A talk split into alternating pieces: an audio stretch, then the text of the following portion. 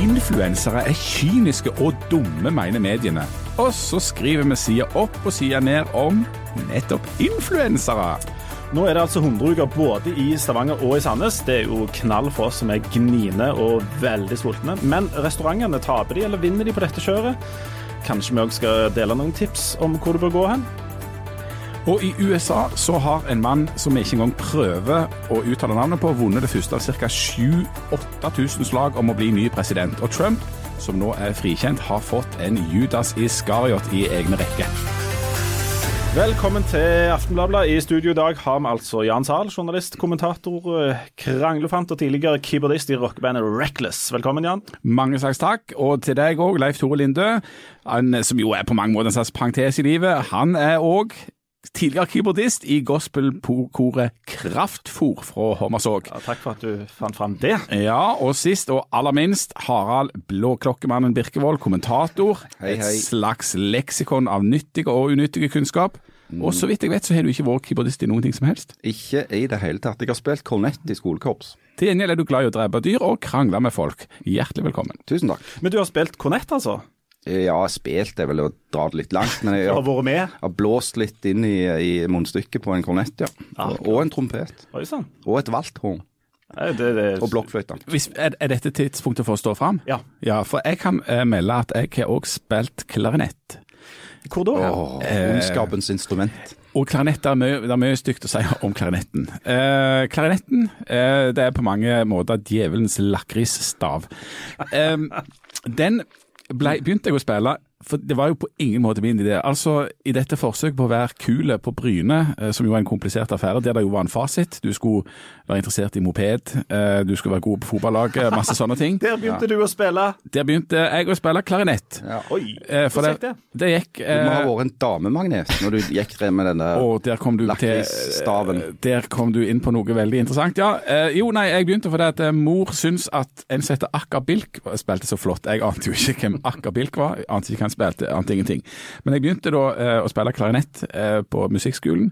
Det fungerte veldig dårlig mot eh, andre kjønn. Eh, og så begynte jeg etter hvert å spille klarinett i skolekorpset, Bryne skolekorps. Der hadde vi en rød uniform med en cape, blå cape, og en blå eh, filt cowboyhatt som så veldig, veldig rart ut.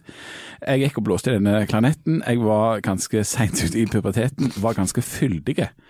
Eh, Så der gikk det en ganske stuttjukk kar i cape og blåste i klarinetten. Eh, Hadde ikke sjans på damene på noen måte, ble knallrød. Men når du spurte hvordan det gikk, så var jo problemet at jeg ble ganske god, så jeg måtte alltid spille alle soloene. Så når vi var på sånn stevne, og en skulle reise seg opp og, og blåse klarinettsolo, så var det alltid meg. Sprutrød, totalt uten sjans på damene. Så avanserte jeg til, hold dere fast, tenorsaks. Så spilte jeg tenorsaks på musikklinja og i Bryne skolekorps. Hjalp det mot annet kjønn? Ikke i det hele tatt. Nei. Dette var vel grunnen til at du var ukyssa til du var 37. Ja.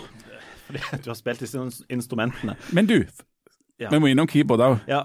Key, altså keyboardet som damemagnet i band Leif Tore Linde, kraft Altså, det er jo veldig mye sånn Nei, Hvordan er det i kristne miljø, dette med det kjønnslige? Her er det sånn at uh, hvis, du er, hvis du er hane, så er det Nei, dette blir jo helt feil å si at det er mye høner, men, men det, er, det, er en, det er en kjent uh, Dette er en faktasetning, ikke noe jeg syns, men det er en faktasetning at hvis du er gutt i gospelmiljøet, så er det uh, muligheter for å dra ganske mye damer. Eh, Først og fremst fordi at disse damene har veldig få alternativ, selvfølgelig. Men det er klart, hvis du kan spille opp, eh, spille opp til litt svingom eh, der, så kan du gjøre det stort, selv om eh, resten av forutsetningene dine er ganske svake. Altså at du trenger ikke se all verdens ut, eller eh, sånt, men eh, Ja. du, du kan dra damer på det. Mer enn å spille, spille fagott i skolekorpset på, på Bryne. Du kan også kle deg sånn som du vil i gospelkoret. Det er en kjempefordel. Ja, for det jeg kan avsløre er at i for det hedenske miljøet, da, eh, vi som drev på med rock og dans eh, og sånn som det der, for jeg spilte da i noen band som spilte opp til dans ute på Jæren, da, eh, og det var jo syndens pøl på absolutt alle tenkelige vis. Og der var det sånn at hvis du spilte gitar eller tromme eller sang eller noe sånt, så var så hadde du et voldsomt drag på damene. Hagla trusene Da, på scenen. da var det ikke måte på når det var litt sånn seint og himkokene hadde blitt eh, på en måte konsumert og, og alt var klart. Eh, eh, han som spilte keyboard, han gikk alltid rundt og, og surde sammen ledninger. eh, og, s- og rydda og bar utstyr. Mens resten av bandet liksom eh, i- Vokalisten ja. sto ute og klinte kanskje på dansegulvet da. Og så kom vi på kinoplassen etterpå, som jo var den plassen der eh, det sosiale livet på Bryn, der folk slåss, Ja. hadde seg og, og, og, og spydde og, og drakk og hoste seg på Bryne da, på nettene. Og så kom jeg ned og håpte at nå og så traff jeg på folk, og kanskje noen søte jenter og sånt, og så spurte jeg hvor de hadde vært i kveld og, og greier. Så sa de ja, nei, de hadde vært på dans på der og der. Og så spurte de meg eh, hvor jeg hadde vært. Oi. Ja, nei, jeg spilte keyboard på den dansen. Dette ble veldig trist. Dette var veldig sårt, kjenner jeg nå. Dette, Kjempetrist. dette, ble, dette ble veldig kjenslevart. Men, men du, ja. eh, du Harald, vi skal snart over på, på, på de alvorlige tingene her. Men du Harald, du har ikke Altså, eh, korps er ikke band, eh, så du har ikke Nei. spilt i band noen gang. Har aldri spilt i Men band. i, i det som vi vel kan kalle voksen alder, så har du jo begynt å ta igjen for dette med å drive og tatovere deg en hel del. Det, Det er var jo, korrekt, det ble jo veldig oppstyr når vi kunne røpe her at du har tatovert tre blåklokker på den ene underarmen. Jeg har fått så mye henvendelser fra folk jeg, jeg knapt nok kjenner, som har spurt om de kan få se den Nemlig. tatoveringen. Og eh, For å ta dette et lite steg videre. Det går nå rykter i, eh, i hele Rogaland egentlig om at du er, ligger på en ny tatovering. Kan du bekrefte eller avkrefte dette? Jeg kan bekrefte det. Er det ørreten som nå skal tatoveres? nå er det ørreten. Ja. Eh, Dette er et familieprogram. Når du sier du skal tatovere ørreten, så Ja. snakker vi om å tatovere en, et faktisk bilde av en ørret på vi, en valgt vi snakker om et, et faktisk bilde av en ørret, ja. Hvor på kroppen. Eh, på, på den andre armen. Så du skal gå rundt med blåklokker på den ene og en ørret på den andre. Det var planen, ja. Det er godt du Dette blir bare tristere og tristere, dette programmet. Jeg vil bare beklager det. Ta sjølkritikk. Det er nitrist. Men hvis du ikke har spilt i, i band noen gang, så må du selvfølgelig Kompensere på andre måter. Ja. tatoveringer. Veldig Det er bra. riktig. Uh, vi skal uh, snakke litt grann om uh, mat. Vi er jo alle glad i, i litt å ete. Å ja. Um, denne uka har det vært, eller det er, eh, 100-uker i Stavanger. Et konsept som de har hatt på Sandnes i fem år. Eh, der eh, Vi kan vel røpe såpass at alle vi tre har vært med og spist oss opp der og skrevet hva vi syns om maten og anmeldt en del av disse tingene. Og når dette kom til Stavanger eh, Harald, du er jo eh, blant de som har anmeldt mest mat her i, i Aftenbladet. Eh, Er det noe vits i at Stavanger skulle herme etter dette konseptet? Hvorfor er det kommet smitta til, til Stavanger, dette? Jeg antar at det iallfall delvis er fordi at det har vært en ganske stor suksess eh, i Sandnes. 80 000 retter serverte de sist gang. Mm. Så dette konseptet har jo satt seg ganske godt i Sandnes, som òg eh, da arrangerer det to ganger i året, vår og høst. Eh, og det kan jo hende jeg vil anta, uten at jeg liksom har gjort noe research på området, så Nei, vil jeg anta at folk i, i Stavanger har tenkt at hm, dette ser jo ut som en bra måte å profilere eh, serveringsbransjen på. For jeg tror ikke at det er sånn at eh, de, de stedene som er med på denne 100-uka i Sandnes, eller Spis for 100, som det heter i Stavanger, nødvendigvis tjener så enormt mye penger på hver rett de serverer, når, de- når han koster tross alt bare 100 kroner. Men de får jo vist seg fram for veldig mye folk. Det, det er et reklameframstøt, dette her, ikke det? Jo, for jeg tenkte at det er litt rart at Stavanger ikke har gjort det før. Altså, Men er det fordi at det ikke nødvendigvis går så voldsomt i pluss at de ikke gjort det før? For det har jo virka som en kjempeidé. Ja, altså jeg tror det er en del av det. Og, og Stavanger er en, altså, har et litt større øh, restaurantmiljø òg enn Sandnes, og det har kanskje vært vanskeligere å få organisert og få tilstrekkelig mange med på det til øh, en bestemte tid. Det er jo relativt mye som skal koordineres her. Så det kan være en forklaring. Men som sagt, jeg har ikke satt meg inn i hvorfor det, hvorfor det kommer nå. Eh, jeg registrerer bare at de gjør det. Uh, og jeg syns jo det, det er veldig bra. Altså, folk kan få lov å prøve eh, forskjellige restauranter, eh, kanskje til og med ganske mange, i løpet av ei uke uten at det koster skjorta, liksom. Men hvor god mat kan en restaurant lage for, en, for, for 100 kroner? Tror du kan lage ganske cool mat, kan du ikke det? Jo, det kan du. Og dessuten så tror jeg nok at uh, en del steder som ønsker på en måte å bruke dette som markedsføring, uh, til og med selger en del retter med tap, uh, rett og slett bare for å få vist seg fram, og i, i håp om at folk skal da komme tilbake og betale mer neste gang. Men hvis vi skal spekulere litt, i, i, i sum er dette god butikk eller er det dårlig butikk for, eh, for restaurantene? Jeg tror det er god butikk i sum. For når du ser på det som har skjedd i Sandnes, så har dette blitt en stor suksess. Eh, folk går jo mann av huset. Som du sier, de serverte altså 80 000 måltider eh, siste gang det var 100 uker. Og det vokser år for år. Eh, sånn at hvis de klarer å etablere dette konseptet i Stavanger òg, så tror jeg nok at det vil bli, bli en suksess. altså Målt i at du vil se i den andre enden av dette her, at det er større belegg på restaurantene. Ja, for vet vi noen ting om det? Hvis det var sånn at det skulle fungere som markedsføring og åpne folk sine øyne litt for, for ulike restauranter, er det sånn at vet, Er det noe tall på om det er flere som går på restaurant i Sandnes etter at de begynte med 100 uker? Eh, Jeg har ikke sett tallene, men jeg har sett at de som arrangerer eh, 100 uker, eh, sier det. At det er derfor eh, stadig flere har lyst til å være med, og at folk, eh, altså at restaurantene melder seg på år etter år.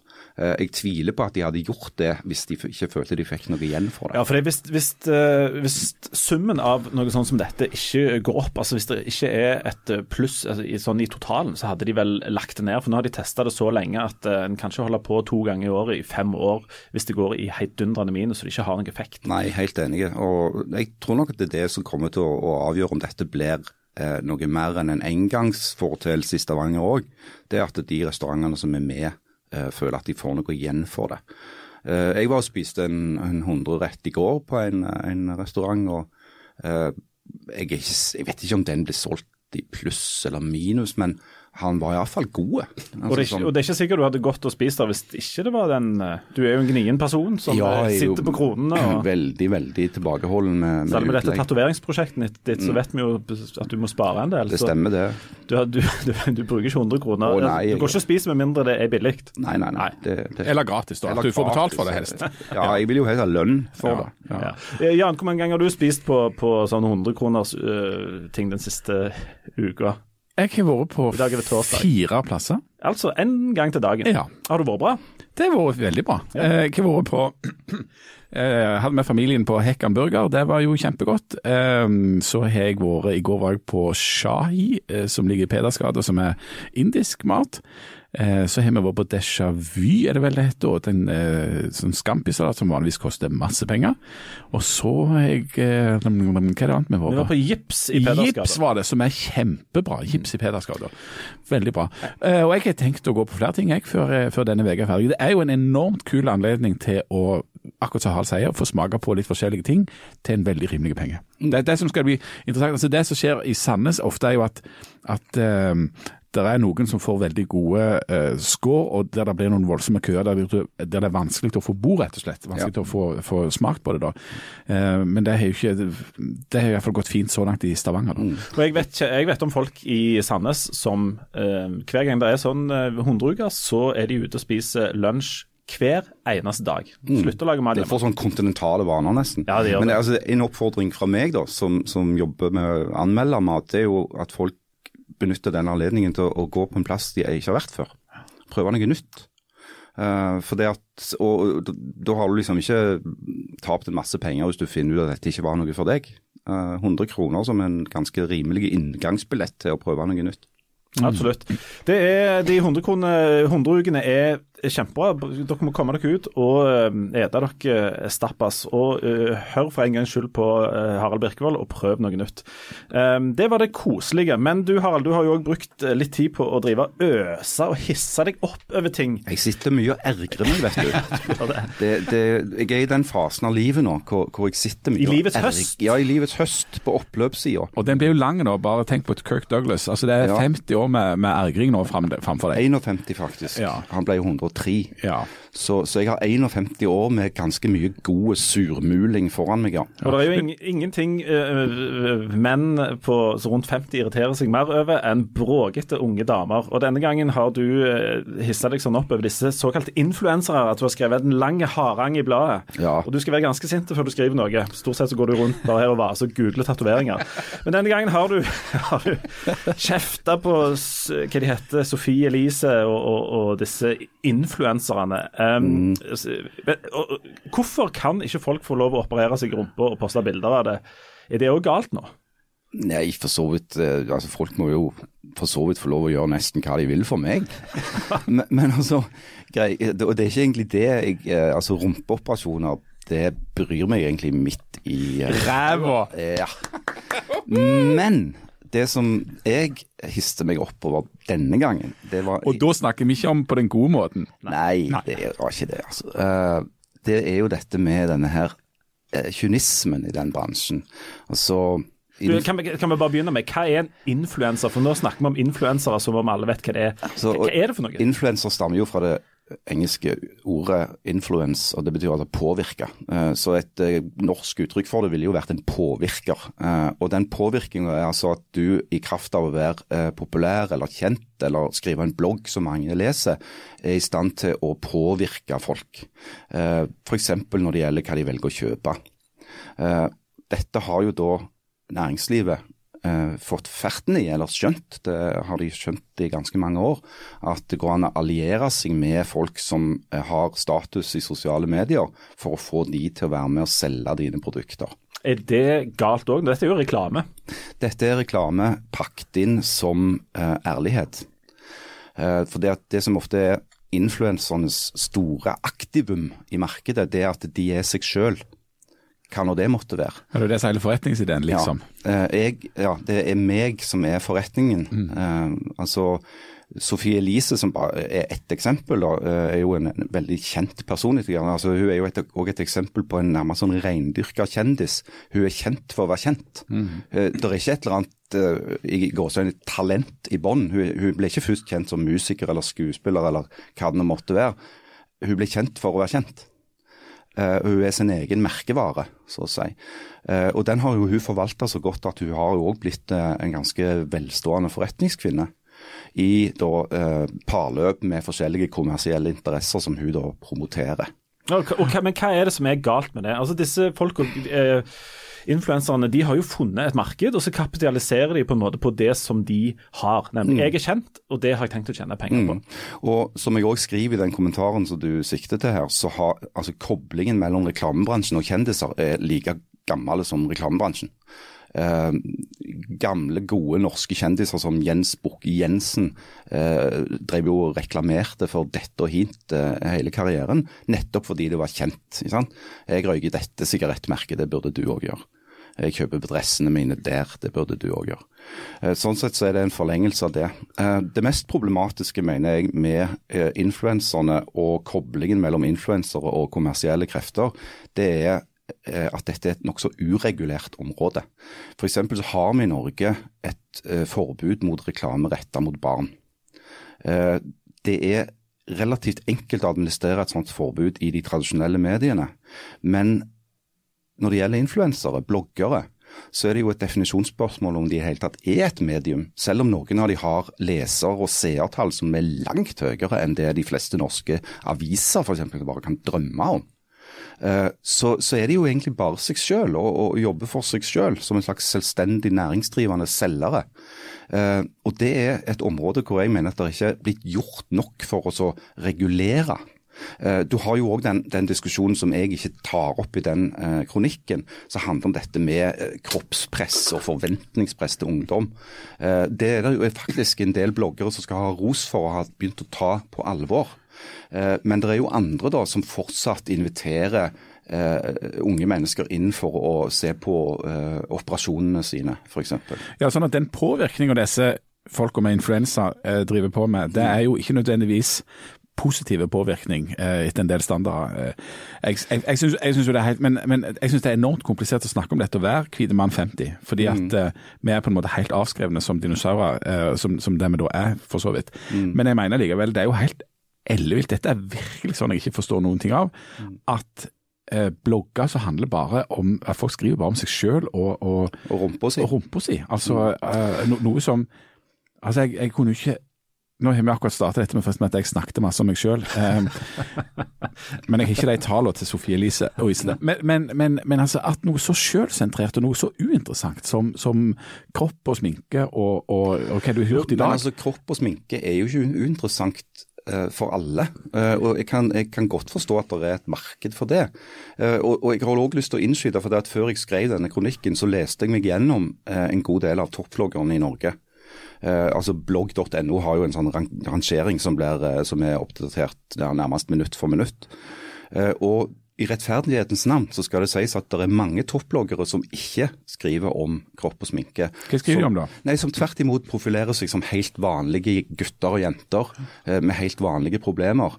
Eh, med familier eh, og sånn, som heller prøver å ta den delen av markedet, da. Altså den, den delen av markedet som handler om å ha et vanlig liv. Eh, men de òg reklamerer jo for ting. Ja. Mm. Eh, og det kan jo for så vidt være helt OK, det.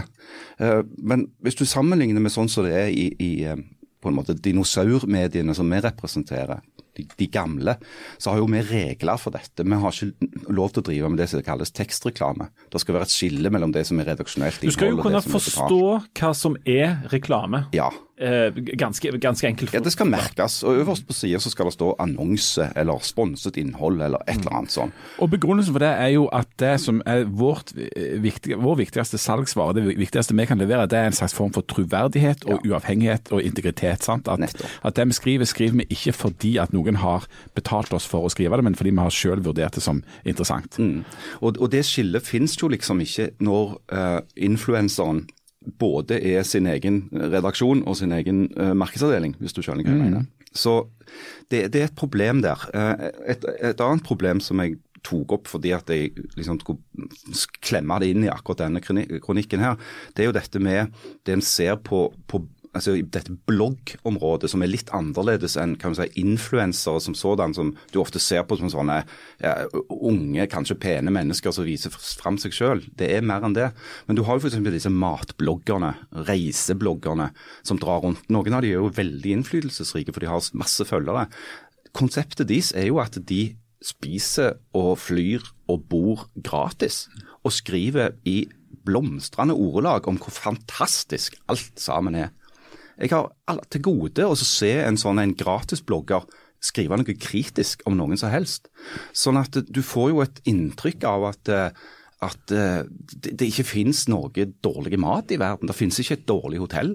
Eh, og dette skyldes jo at de, de er gjennomsponsa. Og jeg vet, fordi jeg snakker med folk i bransjen, at de har jo store problemer med å håndtere dette her. Topprestauranter får en flom av henvendelser fra såkalte bloggere som ønsker å komme og markedsføre de eh, gjennom å spise gratis.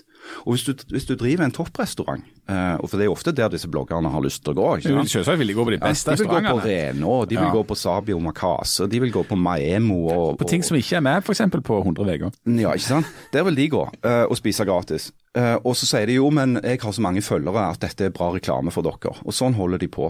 Og veldig mange sånne restauranter har jo få bord og høye utgifter. Så jo flere gratismåltider de går, gir vekk, jo dårligere økonomi får de. Så de skal ha ganske mye igjen for at de slipper inn disse gratispassasjerene for å gjøre det. Så jeg vet at det er enkelte restauranter som rett og slett sier nei av prinsipp. Mm. Du, det er, er, jo en, en veldig beslekta bransje som virker å være helt håpestupsforelska i disse bloggerne og influenserne delvis å bygge de opp, og delvis å kjefte på de, og Det er jo den bransjen vi representerer. Ja. Hvorfor i all verden er er vi så opptatt av dette? Altså, disse Sofie Elise og alle disse bloggerne de får jo all verdens drahjelp fra de tradisjonelle mediene. Mm. Hvorfor i all verden er det sånn? Hvorfor skriver vi om disse folka? Nei, Det er jo en sånn perverse symbiose. Altså, det, det, det er en form for sånn økosystem her.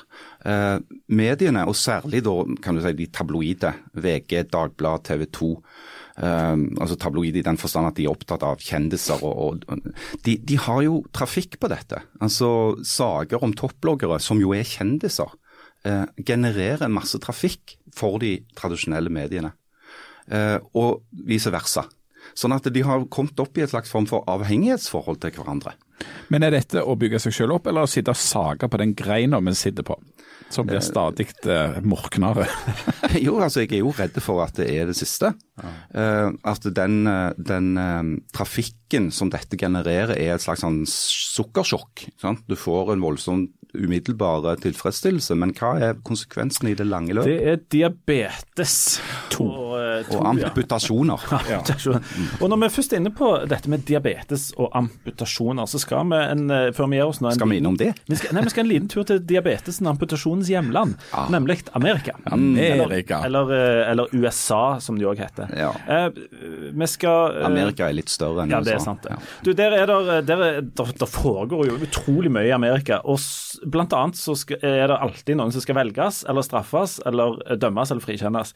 Eh, eh, Jan, du er jo mer opptatt av Amerika enn noe som helst annet i hele verden. For eksempel ungene mine. At De går for lut og kaldt vann. Men Far må lese Politico. Kan, Han sitter oppe om natten og ser på C-span, Ja, mens ja, ungene går for lut og kaldt vann. Mm, på sånn svensk tekst, sånn at det ikke er sladd. Ja. Nei, det, det var noe Nei, det var annet. Ja. Du, em, eh, hvem er Pete Feshich? Han er ifølge seg sjøl the gay dude with the unpronounceable name. Ja. Og, hvordan uttaler du det? Buttigieg. Ja, nei, men altså han edge, edge. ja. But, Men det er, men det er en i der likevel, Buttigieg, sånn at den første Buttigieg. E blir som en slags i. Jeg anbefaler alle å uttale det sånn som jeg gjør det. Ja.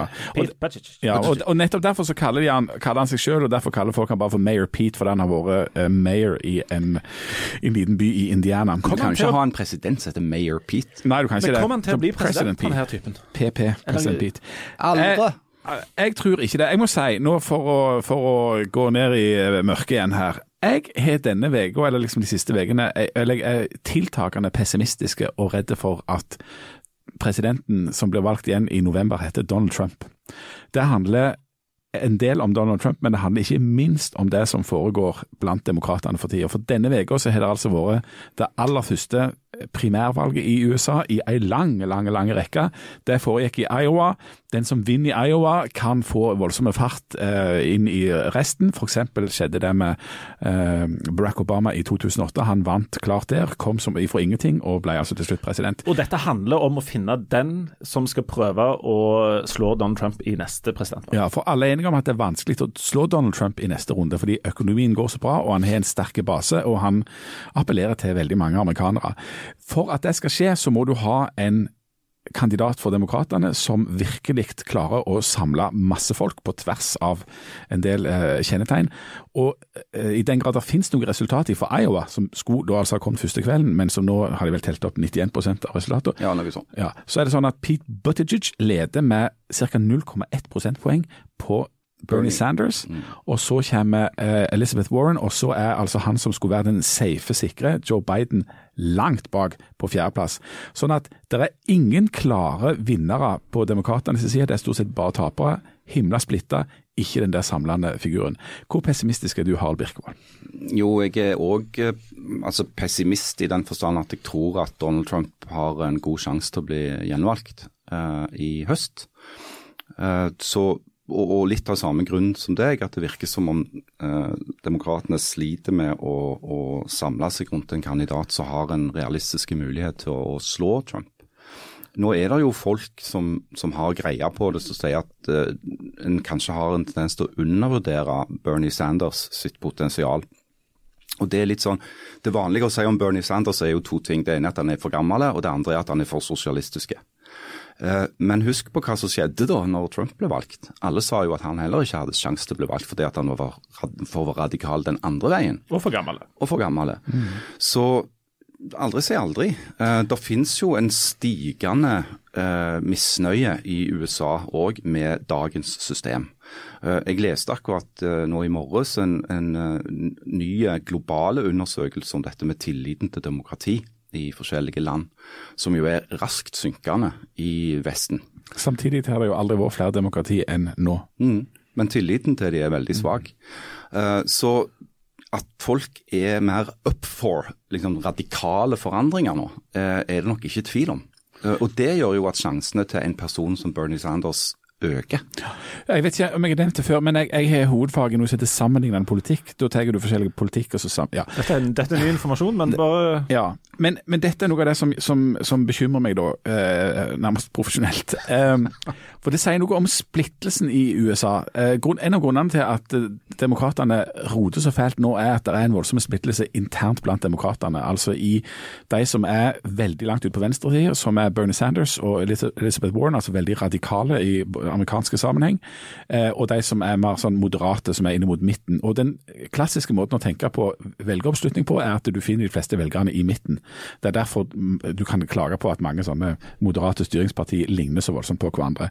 Men nå har du altså fått en voldsom pendelbevegelse i USA helt ut mot høyre. Det har bidratt bare til å øke polariseringa. Og jeg tror Jeg tror at Bernie Sanders er for radikale og for sosialistiske til å kunne bli valgt, uh, uansett hva enkelte måtte si om det.